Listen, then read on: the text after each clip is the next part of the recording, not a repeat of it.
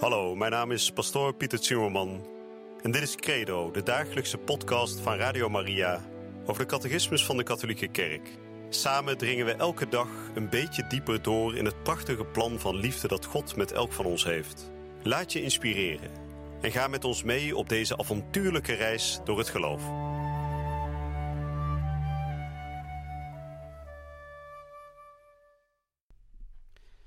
Vrienden, van harte welkom bij deze nieuwe uitzending van Credo.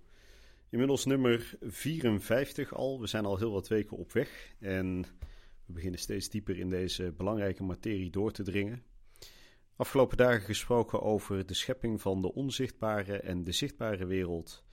En vandaag gaan we nog een stapje verder door te gaan spreken over de schepping van de mens. De mens is geschapen naar Gods beeld en gelijkenis. U hebt dat ongetwijfeld wel eens gehoord. We gaan er vandaag over spreken wat dat betekent. God heeft, zijn, eh, heeft de mens in het hart van zijn schepping geplaatst. En we gaan vandaag horen wat het betekent dat God een heel bijzondere voorliefde heeft voor de mens.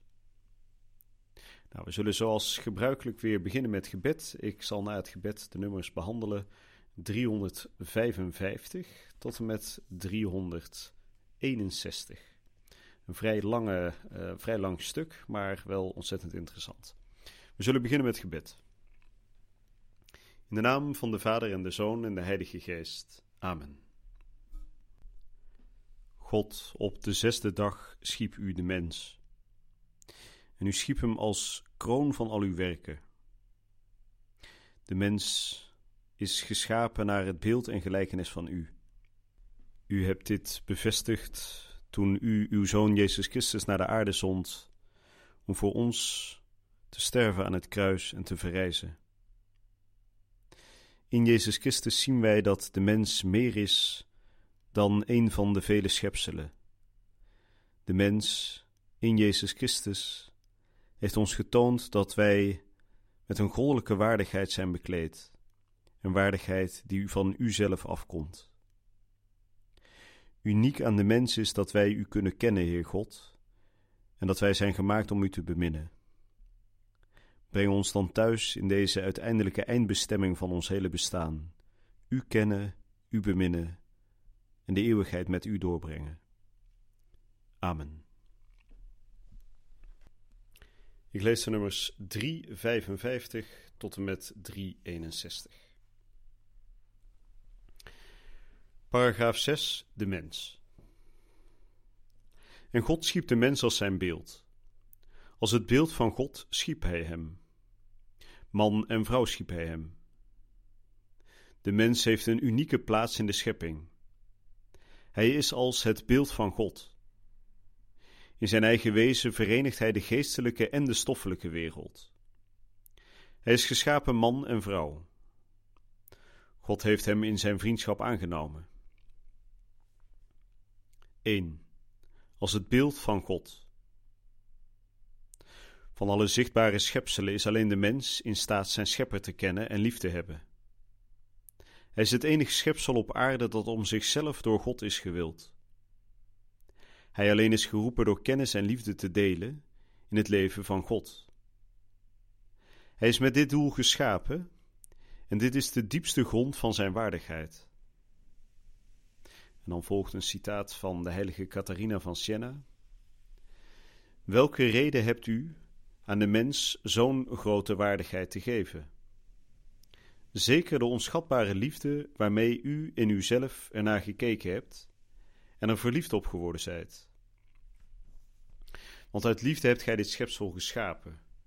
Uit liefde hebt gij het een bestaan geschonken dat in staat is uw eeuwig goed te smaken omdat het menselijk individu als het beeld van God heeft het de waardigheid van een persoon. Hij is niet alleen iets, maar ook iemand. Hij is in staat zichzelf te kennen, zichzelf te bezitten en zichzelf in vrijheid te geven en in contact te treden met andere personen. En hij is door genade geroepen tot een verbond met zijn schepper, om aan hem een antwoord van geloof en liefde te geven, dat niemand in zijn plaats kan geven. God heeft alles voor de mens geschapen, maar de mens is geschapen om God te dienen en te beminnen en om, heel, om hem heel de schepping aan te bieden. Wat is dus het wezen dat geschapen zal worden en dat een dergelijke eer geniet? Dat is de mens, een groot en bewonderenswaardig levend wezen, kostbaarder in Gods ogen dan heel de schepping. Voor hem bestaan hemel, aarde en zee en geheel de schepping. Aan zijn redding heeft God zoveel waarde gehecht dat hij ter wille van hem zelfs zijn enige zoon niet gespaard heeft. Want God heeft niet nagelaten alles in het werk te stellen om de mens naar hem te doen opgaan en hem aan zijn rechterhand te plaatsen. In werkelijkheid vindt het mysterie van de mens alleen zijn verklaring in het licht van het mysterie van het mens geworden woord. De oorsprong van het menselijk geslacht gaat volgens de apostel Paulus terug op twee mensen: Adam en Christus. Paulus zegt: De eerste mens Adam werd een levend wezen. De tweede Adam, de tweede Adam werd een levenmakende geest. Die eerste is dus door die tweede geschapen. Van hem heeft hij ook een ziel ontvangen, zodat hij leeft. De tweede Adam heeft zijn beeld afgedrukt in de eerste, toen hij hem vormde uit klei. Daarom nam hij diens menselijke persoon aan en nam hij zijn naam over. Zo ontbrak hem niets van wat hij als een beeld van zichzelf had geschapen. De eerste Adam en de laatste Adam. Die eerste heeft een begin. Die laatste heeft geen einde.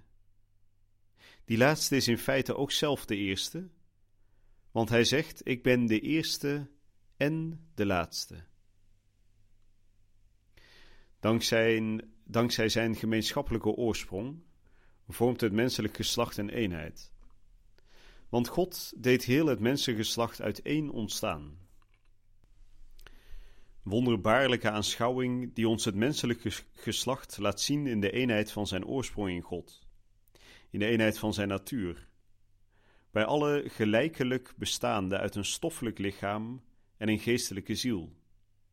In de eenheid van zijn onmiddellijk doel en zijn zending in de wereld, in de eenheid van zijn woonomgeving, de aarde, goederen waarvan alle mensen op grond van het natuurrecht gebruik kunnen maken, om het leven te ondersteunen en te ontwikkelen. In de eenheid van zijn bovennatuurlijk doel, God zelf, op wie alle gericht moeten zijn. In de eenheid van de middelen om dat doel te bereiken, in de eenheid van zijn vrijkoping die Christus voor alle tot stand heeft gebracht. Deze wet van menselijke solidariteit en naaste liefde verzeker ons ervan, zonder de rijke verscheidenheid van personen, culturen en volken uit te sluiten, alle mensen werkelijk broeders en zusters zijn. Nou, dat was nummer 361. Ja, er is heel wat gezegd natuurlijk. Um, waar moeten we beginnen? Dat is even de vraag. Nou, we zijn net begonnen te lezen dat de mens is geschapen als beeld van God.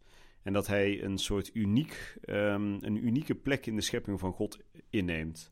Omdat hij de enige is die kennis kan hebben van God en die God kan liefhebben. He, dus daar is de mens uniek in. En de mens als beeld van God is persoon. Daarin is ook de mens uniek. God heeft heel zijn schepping gemaakt, maar niet heel zijn schepping is persoon. Logische, bomen, planten, dieren, de aarde, de planeten, de sterren, allemaal schepselen, maar niet personen. En de mens als persoon lijkt op God als persoon. dus dat is de reden ook dat we zeggen: de mens is beeld van God, gelijkenis van God, want God zelf is persoon. God zelf is niet iets, maar iemand. En zo ook de mens. En dan horen we dat God alles voor de mens heeft geschapen. Dus heel zijn schepping is ingericht rond de mens. En vervolgens is de mens geschapen voor God, om God te dienen. En om heel de schepping aan te bieden. Dus alles wat ons is gegeven in de schepping, moeten we als het ware weer teruggeven aan God. Dan hoorden we dat lange citaat, dat een beetje ingewikkelde citaat van de heilige Petrus Chrysogolus. Ik zal dat niet helemaal gaan herhalen. Maar daar stond zoveel in als dat de eerste mens, dat dat Adam was. hè, en de tweede Adam, hè, dat dat Christus is, de levendmakende geest. En dan werd er gezegd, de tweede Adam heeft de eerste gemaakt. Hè, Christus wordt wel genoemd de nieuwe Adam. En waarom heeft die nieuwe Adam de eerste Adam gemaakt? Nou, de nieuwe Adam, Christus, is God, is de zoon van God. En deelt volledig in de goddelijkheid van zijn vader. Dus hij is ook schepper. Dus die eerste Adam, die eerste mens die uit klei was opgetrokken, die ontleent zijn bestaansrecht aan die tweede Adam, Jezus Christus, die zichzelf in het boek Apocalyps ook de eerste en de laatste noemt, hè? de Alpha en de Omega. En dan sluit de catechismus af met een citaat van Pius XII, Paus Pius XII, waarin wordt gesproken over de, de, de, het menselijke geslacht als eenheid.